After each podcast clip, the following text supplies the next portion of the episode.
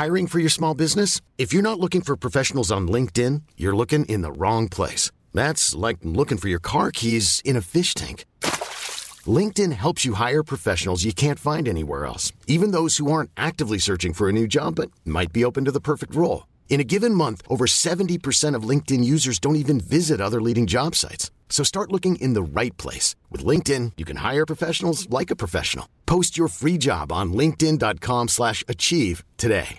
Hey, Dave. Yeah, Randy. Since we founded Bombus, we've always said our socks, underwear, and T-shirts are super soft. Any new ideas? Maybe sublimely soft. Or disgustingly cozy? Wait, what? I got it. Bombus. Absurdly comfortable essentials for yourself And for those facing homelessness. because one purchased equals one donated. Wow, did we just write an ad? Yes. Bombas. Big comfort for everyone. Go to bombas.com slash ACAST and use code ACAST for 20% off your first purchase.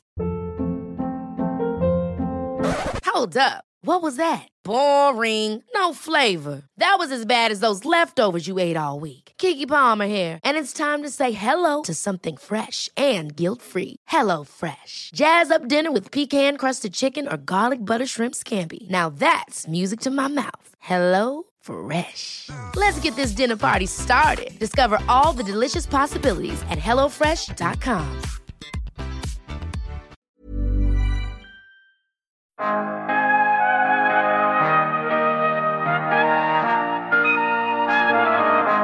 Jag började jobba innan jag var 18 och eh, när jag pluggade så pluggade jag på Handels, jag pluggade på KTH och sen jobbade jag 100% vid sidan om. Och När jag, sov du och åt du då? jag rekommenderar inte det till de flesta men eh, jag tyckte och tycker än idag att det jag gör under min vakna tid med jobbet eh, är så mycket roligare än att sova.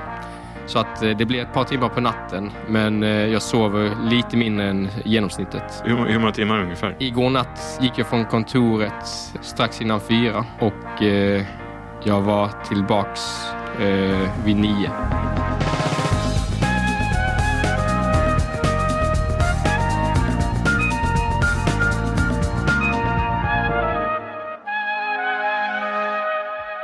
Hej och välkomna till podden Allt behöver veta om ny teknik. Jag heter Per Danielsson. Är Patrik Luitran Sveriges mest spännande entreprenör just nu? Ja, det finns många som tycker att 28-årige AI-gurun är exceptionell på många sätt. Och att mycket talar för att han och hans företag Validio kommer att bli framgångsrikt. En sak är säker, Patrik Lutran är ingen vanlig person. Efter att ha sett filmen Snabba Cash bestämde han sig. Han skulle läsa på Handelshögskolan i Stockholm. Och han tog den snabba vägen dit, det vill säga genom att tenta av gymnasiet som 16-åring. Och det här gjorde han samtidigt som han läste matematik på Lunds universitet. Väl på Handels fick han för sig att även läsa till civilingenjör på KTH. Resultatet? Jo, han gick ut med toppbetyg på både Handels och KTH. Och på KTH hann han även med att doktorera och är idag expert på maskininlärning och AI. Veckans gäst i podden är alltså Patrik Lytran. Tran. Vi får höra om hans livshistoria fram till idag. Varför han jobbar så mycket, varför han alltid försöker vara den dummaste i rummet och varför det var så lätt att få in 150 miljoner kronor till hans nystartade AI-bolag Validio. Vi får också Patriks syn på hur AI ska användas idag, vad utmaningen är med att samla in data av dålig kvalitet och hur företag borde använda AI i framtiden. Och mycket, mycket annat såklart. Häng med! Hej Patrik och välkommen till Ny Tekniks podcast. Hej, jättekul att få vara med. Ja, eh, du är ju någon form av ett underbarn som gick ut gymnasiet som 16-åring, tog examen vid Handels som 19-åring och sen examen vid KTH något, något, eller ett par år senare. Och nu driver du ett AI-bolag som bland annat backas upp av namnkunniga finansiärer som bland andra då Sven Hagströmer och till och med Zlatan Ibrahimovic. Eh, är du imponerad av dig själv? Och du är trots allt bara, vad är du, 28 år idag? Jag är 28 år idag. Vilken eh, eh beskrivning. Jag eh, brukar ju faktiskt omges mig av folk som är mycket mer erfarna. Så att eh, jag eh, är oftast den mest oerfarna och dummaste i rummet. Ja, men, eh, är det verkligen sant det? Ja. Eh, På vårt bolag så har vi genomsnittlig erfarenhet inom till exempel utveckling och sådär runt 15 år. Jag tror när man bygger någonting som vi gör på Validius så är det väldigt viktigt att man tar folk som har byggt saker förr som har gjort alla de här misstagen som man oftast gör tidigt i sin karriär. Och även när jag pluggade, när jag var väldigt ung, så var man ju i en omgivning med mycket mer erfarna människor. De hade mer livserfarenhet, de var bara mycket smartare, mycket klokare. Så att jag har väl fått kompensera mycket av min liksom, dumhet och oerfarenhet genom att jobba hårdare. Men, men eh, det är ju inte alla som läser matematik på Lunds universitet som 16-åring. Nej, för att eh, man kanske har något annat bättre för sig. Men jag tror jag som person är oftast, om jag har bestämt mig för att göra någonting så gör jag det väldigt dedikerat. Men, men varför var det just matematiken då som, som blev din, din grej så tidigt? Det kom en punkt eh, i min ungdom då jag tänkte att jag ska nog ta det här med skolan på allvar. Och då kollade jag på alla ämnen som folk lägger väldigt mycket tid på i skolan och alla snackar om att matematik, det är det svåraste. Och då tänkte jag om jag ska ta mig igenom skolan på något någorlunda bra sätt och kunna hänga med bland alla andra duktiga, eh, då är det nog bra att jag fokuserar lite på matematik. Och sen när jag gick all in för att eh, vilja plugga på riktigt, då, då gick det snabbt. Men, men kommer du från ett hem där det var mycket mer mycket vetenskap och eh, matematik? Nej. Ingen av mina föräldrar är eh, utbildad eh, på högskola eller universitet. Men eh, däremot så har jag, alltså det har ju varit väldigt bra stöd i skolan ju. Så att man har ju det stöd man behöver eh, i svensk skola. Men hur, hur kom det sig då att du kunde liksom läsa in och gå ut gymnasiet som 16-åring? Så att jag hade gått upp eh, något år i grundskolan och sen så Faktiskt eh, lite roligt så här för att eh, jag kommer ju från Ljungdal i Hässleholm. Det är väldigt invandrartätt område och sånt där. Och, eh, jag kände inte till supermycket vad man kunde göra efter gymnasiet. Man ville ju mest ha ett stabilt jobb. Eh, och det var också målsättningen. Och eh, sen så eh, kom eh, Snabba Cash, den här filmen, och man fick höra talas om Handels i Stockholm och sådär. Och det, det, det gjorde mig väldigt intresserad av att se vad, vad är det där. och då insåg jag att man behöver nog ha hyfsat bra betyg och man behövde bara bli klar med gymnasiet. Och Sen kollade jag upp vad som krävs för att eh, bli klar med gymnasiet och det är att man behöver läsa ett x antal eh, poäng i form av kurser. Och eh, sen så gjorde jag en del prövningar för att eh, man kan läsa klart gymnasiet genom att göra, jag vet inte om det kallas för särskild prövning för en kurs. Så du betalar, på den tiden var det typ 500 kronor för en kurs och så får du bara tentera av den. Så att eh, om man är väldigt, liksom så, om man vet vad man vill eh, så kan man ju fokusera på att göra exakt det där och sen så blir man klar. Ja, det är, ju, det är ju rätt imponerande. Men vad var det du gjorde då? Då sökte du till Handels och kom in där direkt då, som, ja. som 17-åring? Eh, så, så jag tog studenten när jag var 16 eh, och sen så direkt efter så kom jag in på Handels. Ja. Och hur var det då, att komma in som ja, ung jämfört med de andra som gick där? Det var väldigt, väldigt speciellt på många sätt. Det är en fantastisk miljö och eh, vara bland folk som är mycket mer erfarna och duktiga. Eh, så att, eh, och det är den miljön jag alltid försöker befinna mig i, att omges av väldigt duktiga människor för att du lär dig otroligt mycket snabbare då. Samtidigt så började du plugga på KTH eh, parallellt med det här. Så, så min, min, dröm hade ju alltid varit att komma in på Handels eh, sen jag fick reda på att den utbildningen fanns inom ekonomi. Och sen eh, när jag väl var där så fick jag höra från alla andra som eh, antagligen har eh, kollat sig om mycket mer kring vad de egentligen vill göra i livet. Eh, jag fick höra från dem om utbildningar på Harvard, Stanford, Cambridge och så vidare. Och eh, mer ingenjörsinriktade utbildningar och sånt där. Och då eh, kollade jag upp, googlade då eh, eh ingenjörsutbildningar och då dök KTH upp. Och eh, jag tror det fortfarande är så idag, men jag är inte helt säker. Men på min tid var det i alla fall att man kunde söka in till max 45 eh, högskolepoäng per termin i utbildningstakt. Så man var tvungen att vänta ett år. Eh, så när jag var 17 så sökte jag in till KTH och eh, då kom jag in där också. Eh, och då körde jag teknisk fysik. Och jag tyckte att maskininlärning lät otroligt svårt. Det var ju på den tiden innan hela machine learning, AI-hypen eh, som vi befinner oss i fortfarande i, idag, i den här hype-vågen. Men på den tiden så var det ingen som snackade någonting om maskininlärning, AI, utan det var något mer som man hade försökt med väldigt länge, men ingen hade riktigt lyckats med något bra inom det där området. Men jag tyckte det lät otroligt utmanande att lära maskiner att tänka som människor och bli smartare än människor. Så att eh, jag sökte in på teknisk fysik med eh, inriktningen att eh, bli bra på maskininlärning. Mm. Eh, jag vill inte vara fördomsfull här, men om man går in på din hemsida som heter PatrikTrand.se så, så kan man också läsa det här att Patrik Tran är en ingenjör inom maskinlärning med en solid affärsbakgrund och som är frekvent anlitad som talare och workshopledare. Om vi börjar med det här med solid affärsbakgrund, alltså vad innebär det konkret? Du är ju trots allt ganska ung, eh, men ändå har du hunnit med så otroligt mycket.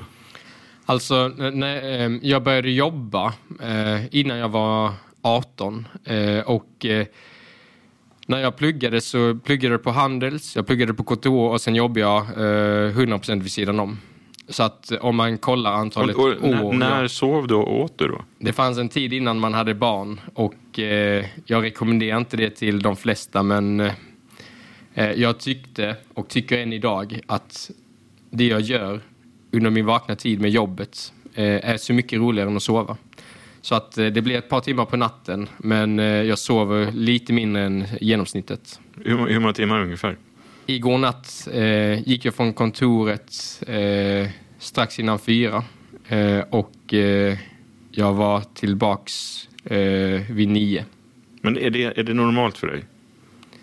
Ja. Och då är fyra på morgonen, inte fyra på eftermiddagen? På morgonen. Ja. Men är det en kultur som du har byggt upp här på företaget eller är det bara du som hänger nej, kvar? Nej, det är bara jag. Ja. Eh, jag, jag, tror när du jobbar med väldigt erfarna, duktiga människor så eh, jag tror mer än hälften av eh, våra medarbetare har barn och familj. Mm. Jag har själv två barn, men det är otroligt viktigt. Vill du ha erfarna människor? Det som jag har märkt med folk med mycket erfarenhet är att de är väldigt smarta i hur de jobbar. Så att antalet timmar, alltså det är just det här jag säger att i och med att de är så mycket mer erfarna och duktiga så jag kompenserar med antalet timmar in medan folk är smarta. Så med andra ord, när dina barn blir lite äldre då kommer du ha blivit lite smartare och kan ha lite mer tid med dem? Det hoppas jag. Ja. Du är också en av tio aspiranter i mentorprogrammet Prins Daniel Fellowship. Eh, ett program som pågår mellan 2021 och 2023 och där bland annat Marcus Wallenberg sitter i styrgruppen. Eh, det här är också ett program där du får lära dig av de som är mer erfarna. Eh, vad har du lärt dig i det här programmet för någonting? Jag har lärt mig otroligt, otroligt mycket. Jag tycker att det här är ett fantastiskt initiativ som har tagits där unga entreprenörer som jag som saknar erfarenhet får ta del av eh, nätverket som eh, initiativtagarna eh, sitter på. Eh, där framgångsrika, erfarna bolagsbyggare kommer att dela med sig av vad man bör göra men kanske än viktigare vad man inte bör göra. Kan, kan, du ge något konkret exempel på det? Som du har tagit med dig in i ditt företag? Alltså, i våras så var vi ju borta i USA eh, på en fantastisk resa. Vi besökte Silicon Valley eh, och Seattle. Och eh, vi fick träffa några av världens främsta riskkapitalister och investerare vi fick träffa eh, bolagsbyggare, legendariska bolagsbyggare som Jensen Huang som har grundat och eh, är VD på Nvidia. Och ibland när man är så fokuserad på det man gör. Eh, jag brukar vara väldigt fokuserad när jag gör någonting och eh, ibland är det väldigt bra att eh, få hänga med på något sånt här fantastiskt och få nya perspektiv. Och det som, två saker som jag tog med mig från eh, den här resan, väldigt konkreta saker. Den första är, om man kollar på datainfrastrukturbolag eh, och Validio är ett bolag inom den här sektorn med datainfrastruktur. Du ser väldigt sällan bolag byggas framgångsrikt utanför Silicon Valley. De flesta byggs i Silicon Valley. Mm. Och det beror på en sak eh, kopplat till det. Det är tillgången till talang och erfarenhet. om alla bolag framgångsrika inom den här sektorn grundas och byggs därifrån så stannar också väldigt mycket talang där.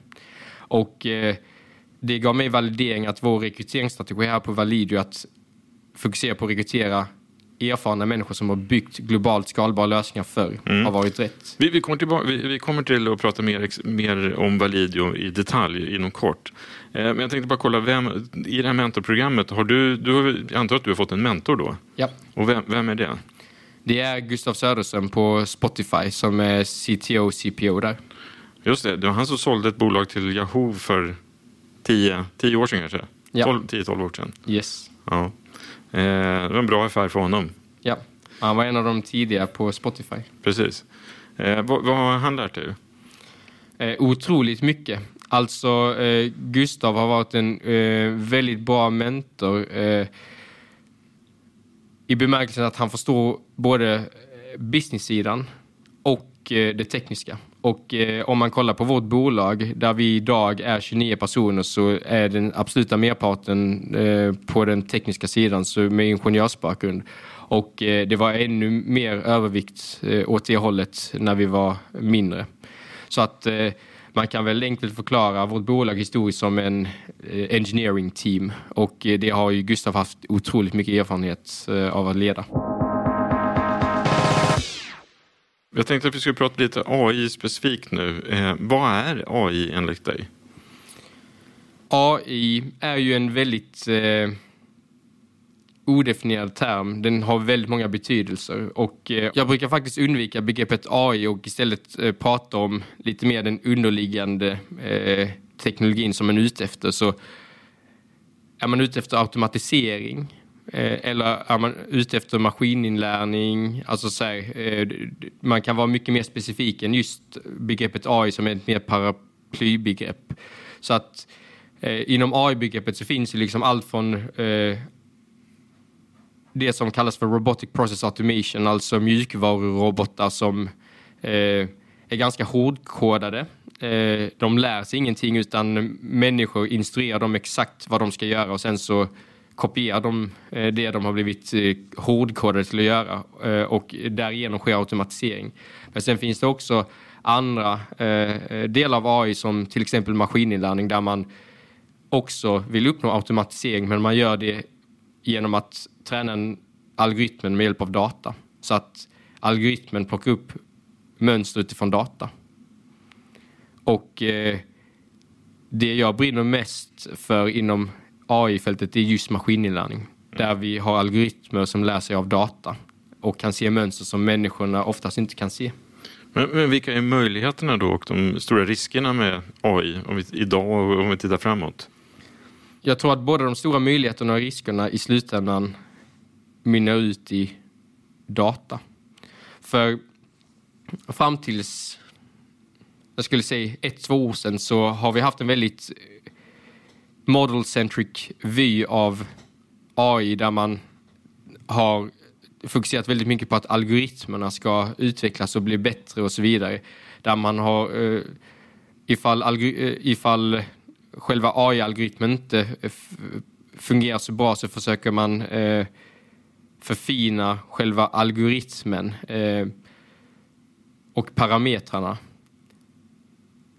Men på sistone så har folk börjat inse att det är ju data som man stoppar in i algoritmen som algoritmen lär sig av som är det som spelar roll.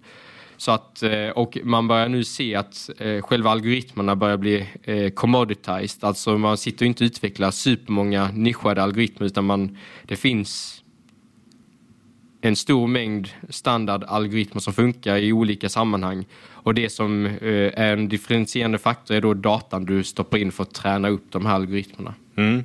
Eh, I somras så kom ju nyheten om att eh, Google, det var en Google-ingenjör som då hade fått fram att AI hade känslor.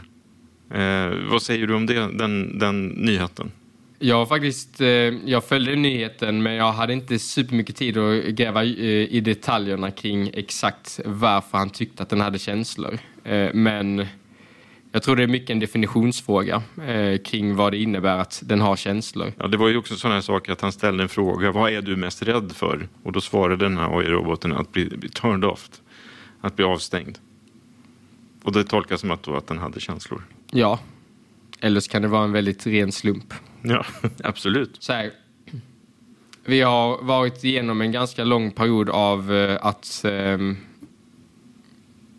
man har satsat väldigt mycket på chattbottar som ska vara kognitiva och sådär. Och eh, många av de här satsningarna har ju misslyckats. Eh, men det finns alltid något som är cutting edge. Sådär. Men eh, hittills har jag personligen inte varit med om något AI som är på den nivån att den är kognitiv, har känslor och sånt där. Eh, så att eh, mig veterligen så har jag inte stött på något. Men vad tycker du om, om chattbottar som storföretagen köper in för att hantera exempelvis kundärenden? Det beror på vad man är ute efter eh, kring just chattbottarna. För att vi har ju varit igenom en period där det har varit väldigt många eh, storbolag som har eh, satsat på chattbottar eller varit väldigt intresserade av att investera i chattbottar. Och det kommer oftast från det här eh, liksom löftet som man får när man eh, eh köper in en chattbot att man ska kunna eh, bemöta kunderna bättre än vad människor bemöter kunderna med hjälp av en chattbot som är tillgänglig dygnet runt och sånt där. Men det som man har sett i praktiken är oftast att vi människor är nog ganska duktiga på att bemöta andra människor. Eh, och eh, en chattbot är tillgänglig dygnet runt men den kanske inte är på den nivån som en människa är på att bemöta en annan människa. Så att eh, i många fall så har det blivit mer en liksom ett finare användargränssnitt för en frequently asked questions-formulär. Och eh, jag tror det här är ett typiskt exempel på att man måste fokusera på att tillämpa tekniken på det som tekniken är bra på och eh, människorna ska fokusera på det de är bra på. Och människor är oftast bra på kundbemötande, framförallt när det är svåra situationer. Har, har du några förebilder eller experter inom AI-maskin? Hey, it's Ryan Reynolds, and I'm here with Keith, co star of my upcoming film, If, only in theaters, May 17th. Do you want to tell people the big news? All right, I'll do it. Sign up now and you'll get unlimited for $15 a month in six months of Paramount Plus Essential Plan on us. Mintmobile.com slash switch. Upfront payment of $45 equivalent to $15 per month. Unlimited over 40 gigabytes per month. Face lower speeds. Videos at 480p. Active Mint customers by 531.24 get six months of Paramount Plus Essential Plan. Auto renews after six months. Offer ends May 31st, 2024. Separate Paramount Plus registration required. Terms and conditions apply if rated PG. Hold up. What was that? Boring. No flavor. That was as bad as those leftovers you ate all week. Kiki Palmer here, and it's time to say hello to something fresh and guilt-free. Hello Fresh. Jazz up dinner with pecan-crusted chicken or garlic butter shrimp scampi. Now that's music to my mouth. Hello Fresh. Let's get this dinner party started. Discover all the delicious possibilities at hellofresh.com. Many of us have those stubborn pounds that seem impossible to lose, no matter how good we eat or how hard we work out. My solution is PlushCare. PlushCare is a leading telehealth provider with doctors who are there for you day and night to partner with you in your weight loss journey. They can prescribe FDA-approved weight loss medications like Wagovi and Zepbound for those who qualify. Plus, they accept most insurance plans. To get started, visit plushcare.com slash weight loss. That's plushcare.com slash weight loss. Hi, I'm Daniel, founder of Pretty Litter. Cats and cat owners deserve better than any old fashioned litter. That's why I teamed up with scientists and veterinarians to create Pretty Litter. Its innovative crystal formula has superior odor control and weighs up to 80% less than clay litter. Pretty Litter even monitors health by changing colors to help detect early signs of potential illness. It's the world's smartest kitty litter. Go to prettylitter.com and use code ACAST for 20% off your first order and a free cat toy. Terms and conditions apply. See site for details. I'm Sandra, and I'm just the professional your small business was looking for. But you didn't hire me because you didn't use LinkedIn jobs. LinkedIn has professionals you can't find anywhere else, including those who aren't actively looking for a new job but might be open to the perfect role, like me. In a given month, over 70% of LinkedIn users don't visit other leading job sites. So if you're not looking on LinkedIn, you'll miss out on great candidates like Sandra. Start hiring professionals like a professional. Post your free job on linkedin.com/achieve slash achieve today. Learning som du som ser upp till eller som du följer och, och lyssnar till? Ja, det finns ju många datainfrastrukturbolag eh, som blir väldigt viktiga för eh, den här eh, cloud eh, världen där bolag eh, mer och mer börjar adopta eh, cloudlösningar. Och eh, det finns fantastiska bolag så, eh, som eh, DBT. Det finns eh, bolag som Snowflake, som Databricks och sånt där. Och entreprenörerna bakom, människorna bakom som har varit väldigt visionära i början. Där ingen trodde på dem. Men eh, några år senare har lyckats liksom bevisa att det de tog ett bett på behövs och eh, löser ett stort problem. Eh, de eh, brukar jag se upp till väldigt mycket. Eh, Vi hänger kvar vid AI lite, lite till. Eh, Tycker du att stater som exempelvis Sverige bör införa etiska regelverk för hur man ska använda AI i exempelvis offentliga verksamheter? Jag tror att eh, det är väldigt viktigt att man tar en tydlig ställning kring hur man ska tillämpa modern teknik som AI när man automatiserar beslutsfattande. För det är det det handlar om i slutändan. Man automatiserar beslutsfattande till hela samhället. Men, men om, om man då automatiserar beslutsfattandet, då gör det oss bekvämare, eller hur? Och kanske lite dummare. Det beror på för att jag brukar skilja mellan två typer av AI i de här sammanhangen, algoritmer. De som är deterministiska och de som är icke-deterministiska. Deterministiska algoritmer, det är sådana som om du har samma data så kommer den ge samma svar varenda gång. Så att du liksom, eh, det finns ingen slump i det där. Icke-deterministiska, då finns det Eh, liksom stoppar du in samma data så eh, kan det ibland komma olika eh, svar från algoritmen. Och eh, om man har deterministiska alg- algoritmer, vilket oftast är det som eh, man implementerar i dagsläget för att man vill kunna förklara, kunna ha traceability och kunna förklara eh, varför fattade vi ett visst beslut och sånt där. Då är deterministiska algoritmer önskvärt. Och en av de intressanta sakerna med deterministiska algoritmer det är att de är konsekventa. De kommer alltid fatta samma beslut eh, eh, givet samma data. Men det innebär också att om den har tränats på fel sätt och är lite biased, då kommer den konsekvent fatta icke-optimala beslut. Och jag tror det är där algoritmer och människor, när man snackar om det så här, människor är oftast ganska inkonsekventa när de fattar beslut. Algoritmer är inom de deterministiska algoritmerna extremt konsekventa. De är 100% konsekventa, de kommer alltid fatta samma beslut. Så Så det, det är egentligen bättre med, med, med den typen. Det beror på. För om du lägger tiden och eh, efforten på att se till att det är en unbiased bra algoritm, då är du i en bra position. Men gör du inte det och eh, stoppar in en algoritm i produktion som fattar myndighetsbeslut som påverkar hela populationen i ett land, då kommer det skala den här biasen eh, i proportioner vi aldrig ser när det handlar om människor som fattar enskilda beslut. Så att från ett compliance-perspektiv, när man ska följa upp, så har du en algoritm så kan du liksom... Alltså det, det är en sak du behöver eh, utreda. Är den rättvis? Är den inte det? När det handlar om människor så eh, är det mycket svårare eftersom du har inte den här... Alltså människor är väl lite icke-deterministiska från den aspekten.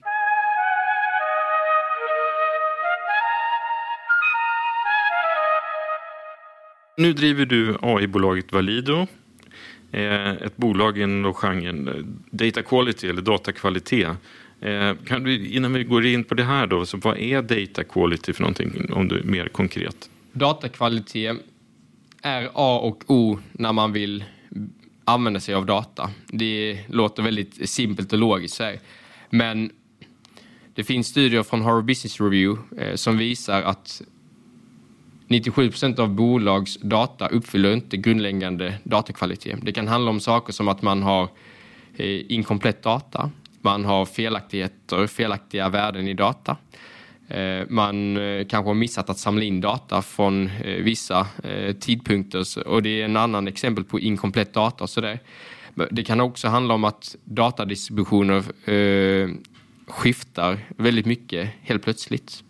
Så att, ehm, eh, och, och det skapar ett problem till exempel när du ehm, har maskininlärningsalgoritmer som har tränats på en viss typ av data, historisk data, eh, för att eh, eh, automatisera beslutsfattande eh, på ny data. Och ifall du har eh, distributionsskiften i data så kommer modellen eh, som du har tränat, algoritmen som du har tränat, inte vara relevant eller valid att använda på den nya datan. Mm. Så det är några exempel. Men ni har också fått en del medial uppmärksamhet, inte minst affärspress och eh, dels, ja, i, i, i princip tack vare finansieringsrundan när ni tog in 150 miljoner kronor där bland, annat då, bland andra då Sven Hagströmer och andra kända namn in i riskkapitalvärlden klev in, men även då ett kändisnamn som Zlatan. Kan du berätta hur det här gick till? Vi har haft väldigt mycket intresse från investerare under lång tid, eh, sedan starten egentligen. Och det kommer väl från att investerarna ser att det problemet vi försöker lösa är ett väldigt stort problem. Och den, det sättet vi försöker lösa problemet på är väldigt, väldigt intressant. Och mig veterligen så är det ingen annan som gör det på det sättet vi gör det på. Eh, vi monitorerar eh, datakvalitet i realtid i hela ens datastack som vi kallar det. Så att eh, alla ställen som bolag samlar data på, där kan vi monitorera eh, efter eh, bra och dålig data i realtid. Så att innan man använder datan så kan vi vara där och säga undvika att använda den här datan. Den där datan är bra okej okay att använda och så vidare. Och i, i, vilka, i, vilka, i, vilka sammanhang gör det här en enormt stor skillnad då? Det finns väldigt många bolag som är extremt datadrivna som vi stöter på i vår vardag. Ta till exempel alla annonser som du möts av när du går på en sociala medieplattform eller till vilken hemsida som helst. Ehm, att just du möts av den annonsen det är mycket data som ligger bakom det. Något bolag har betalat en viss summa pengar för att visa just deras annons för dig. Allt det där är datadrivet och bakom eh, det där beslutet eh, ska man betala x antal kronor för att visa det till just dig. Där ligger ju saker som customer lifetime value, modeller eh, och eh, ja, hur mycket är de villiga att betala för att just du ska eh, potentiellt bli en kund. Ja, är det så att ni har, byggt, ni har byggt en målbaserad plattform som folk eh, köper in sig och använder helt enkelt? Vi är en SaaS-lösning eh, eh så att eh, vi är molnbaserade och eh, man köper en licens för att monitorera sin data. Mm. Och hur har ni byggt upp er tjänst? Vad är, liksom, vad är det som gör er unik. Jag brukar undvika ordet unika för att det finns knappt någon som är unik. Men eh, alla påstår ju att man är unik på något sätt. Om man kollar på ett företags datainfrastruktur så eh, är de ganska omfattande och komplexa nu för tiden. Eh, de eh, innehåller allt från eh, realtidsdataströmmar till det som kallas för data leaks på engelska till det som kallas för data warehouses. Eh, och vi är den enda lösningen som kan monitorera data i alla de här områdena. Och det är viktigt att man kan monitorera data i alla de här områdena i realtid för att kunna identifiera dålig data så fort de uppstår så att man inte råkar använda dålig data för beslutsfattande. Och hur, hur, mycket, hur mycket data måste man själv ha för att det ska bli liksom lönt att köpa in sig och använda er tjänst? Jag tror det handlar mer om vad är det som står på spel ifall datan man använder sig av är dålig. Har du något som är affärskritiskt som du använder data för, då måste du se till att den är av hög kvalitet. Men kan du ge exempel på några kunder som är liksom early adopters in i er plattform? Vi har kunder i branscher som cybersecurity, cybersäkerhet, eh, last mile deliveries och eh, hemleveranser eh, micromobility. Eh, kan, du, kan du namnge några? Jag kan namnge till exempel eh, Babyshop eh, inom eh, e-handel. Eh, jag kan namnge till exempel Budbee inom ja, hemleverans av paket och sånt där. Men det är generellt bolag med eh, väldigt avancerade eh, eh, data stacks eh, som har business critical eh, data eh, use cases. Men här är en känsla av att de här bolagen som du berättar om nu är ju de är själva som startupbolag till viss del.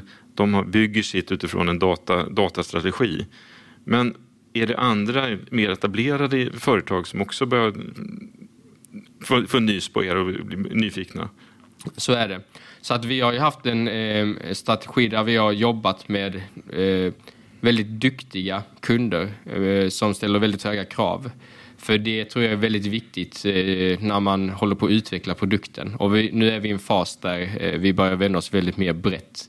Men under eh, fasen då man eh, vill ha mycket eh, feedback från kunderna så är det väldigt nyttigt att vända sig mot eh, några av de bästa kunderna med de bästa data teams.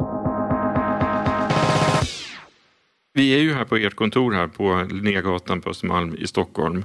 Eh, ni har berättat att ni ska bygga ut, ni är 28 eller 29 anställda idag. Eh, och ni ska bli, hur många då? Vi, vi får se, men eh, ehm, eh vi kommer nog vara 40 vid årsskiftet. Men eh, det, det viktiga när man ehm, eh, nyanställer eh, är ju alltid eh, att det finns något väldigt konkret för dem att göra. Exakt, och det, min nästa fråga är liksom, vad ligger på ritbordet? Vad ska de nya göra? Mycket inom försäljning och kommersialisering. För att vi har ju historiskt eh, varit mycket mer, som jag berättade i början, ett produktutvecklingsbolag. Vi eh, har tagit oss ur den fasen. Man blir ju aldrig klar med produktutveckling i, i något produktbolag. Eh, men eh, nu kommer fokus ligga mycket mer på kommersialisering. Mm. Nu är det ju ett tag sedan du lämnade KTH och eh, det du höll på med inom machine learning där. Men tror du att akademin kan vara med och hjälpa till och, driva den här utvecklingen eller är det bara på företagssidan som liksom det kan ske? Jag tror att det måste ske på båda sidorna. Och jag tog också en dot doktorsexamen så att jag har stannat väldigt länge inom akademin, eh, back in the days. Men jag tror att en av de viktigaste rollerna för akademin det är utbildningen. Att man utbildar framtidens liksom, medborgare. Så att eh, akademin via forskning, att ta fram ny kunskap men också att eh, vara väldigt lyhörd kring vad behöver industrin just nu och att utbilda framtidens mm. medborgare, där får de störst impact. I inledningen av samtalet så sa ju du att du vill anställa folk med lång erfarenhet, eh, gärna framgångsrika inom startup-branschen, eh, som gör att de är smartare än dig helt enkelt när det gäller mer erfarenhet. Men hur lätt är det att hitta dem? Om du ska hitta 12 stycken till här, är det, är det enkelt för dig? Ja, det är alltid svårt att hitta eh, duktiga människor. Men eh, vi har haft väldigt tur i att många har eh, sökt sig hit. Jag tror att det kan handla mycket om timing, att folk kollar sig runt exakt just nu när vi behöver det. Eh, men efter ett tag så, eh, om man lyckas rekrytera eh, ett eh, erfaret, duktigt gäng så Eh, kommer folk som har tidigare jobbat med dem också vilja söka sig dit. För man vill vara med i det här gänget av duktiga människor. Eh, om det kan handla om till exempel en viss del av vårt utvecklingsteam och sådär, just det problemet de försöker lösa. Att man vill vara med och lösa just det problemet med just de kollegorna. Men upplever också att det är lättare för dig då som grundare och eh, VD med, med, relativt ung och inte, inte drivit varit ledare så mycket Eh, att ta in erfarna personer så byggs företag på något sätt av sig själv? Jag tror att eh, ju mer duktiga människor som man eh, får med på resan, desto mer press känner jag. Eh, för att alla de här människorna som jobbar här kan jobba exakt vad som helst. Och någonstans så eh, har jag bett dem att spendera sin tid just här. Men de kan få jobb exakt vad som helst. Och eh, då ökar pressen för att jag ska göra ett bra jobb så att vi lyckas med det vi försöker åstadkomma. Jag har pratat med lite andra företag inom samma genre och de, de vittnar ju om att man hämtar också folk utifrån, utanför Sverige. Ja. Är det samma sak för dig?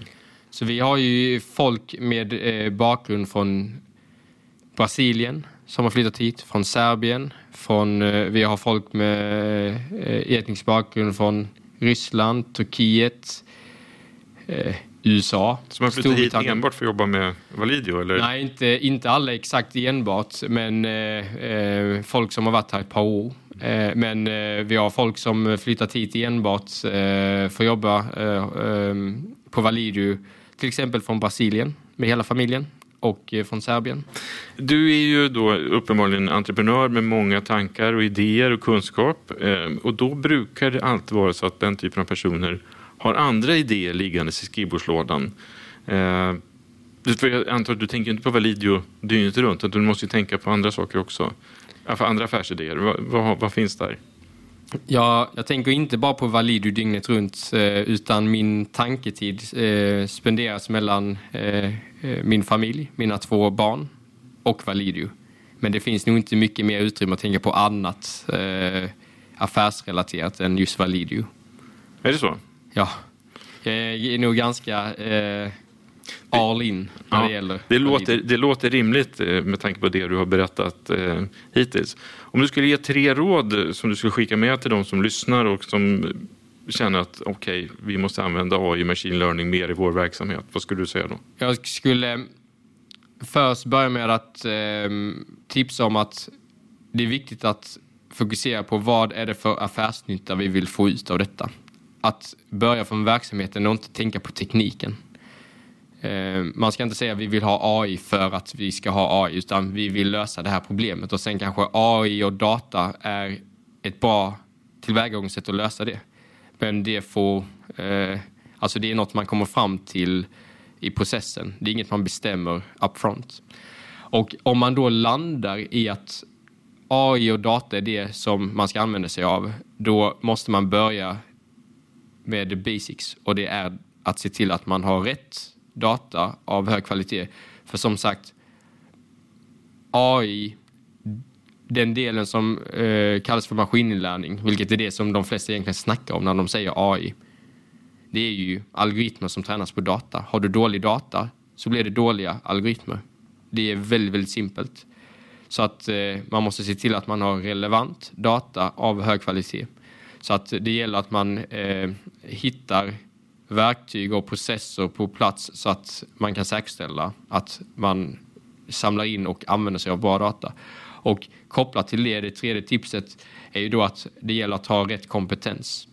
För när jag började jobba med data eh, och AI eh, med storbolagen 2015, då fanns det liksom data analyst som roll och data scientist. Det var de som fanns. Data analyst höll på att bli data scientist. Nu finns det en explosion av datarelaterade jobb som eh, data engineers. Det är den snabbaste växande rollen inom tech just nu. Eh, det finns data analyst, data scientist, det finns analytics engineers, det finns machine learning researchers, det finns machine learning engineers, det finns MLOps engineers och så vidare. Och alla de här finns av en anledning. Eh, och eh, man måste eh, vara lyhörd för den stora utmaning som data för med sig. För att du ska verkligen få bra, högkvalitativ, trovärdig data så bör man eh, ha rätt personer som fattar hur man får det på plats. Mm.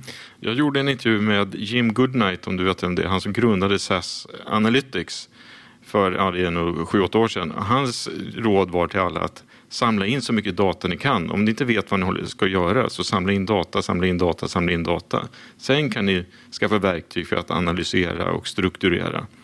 Håller du med honom eller var det ett råd som, som gällde då men inte idag? Det, det beror på hur mycket resurser man har till sitt förfogande för det kostar ju att samla in allt.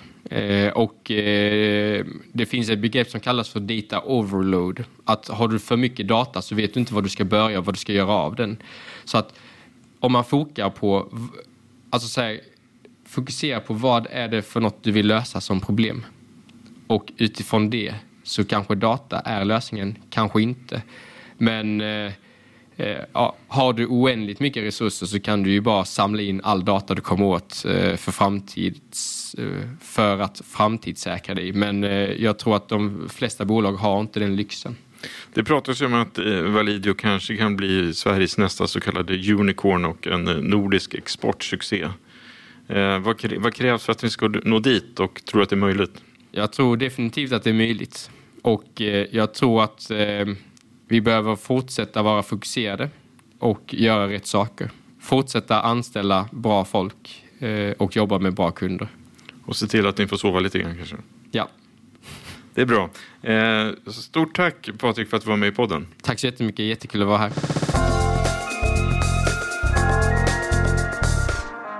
Ja, stort tack för att du har lyssnat på veckans avsnitt. Och som vanligt, om du har några synpunkter eller idéer på vad vi ska ta upp här i podden så får du jättegärna mejla till redaktionen nyteknik.se. Om du vill lära dig mer och läsa mer om AI så finns det massor med innehåll på nyteknik.se. Det är bara att surfa in där. Vi hörs nästa vecka. Tack så mycket. Hej hej!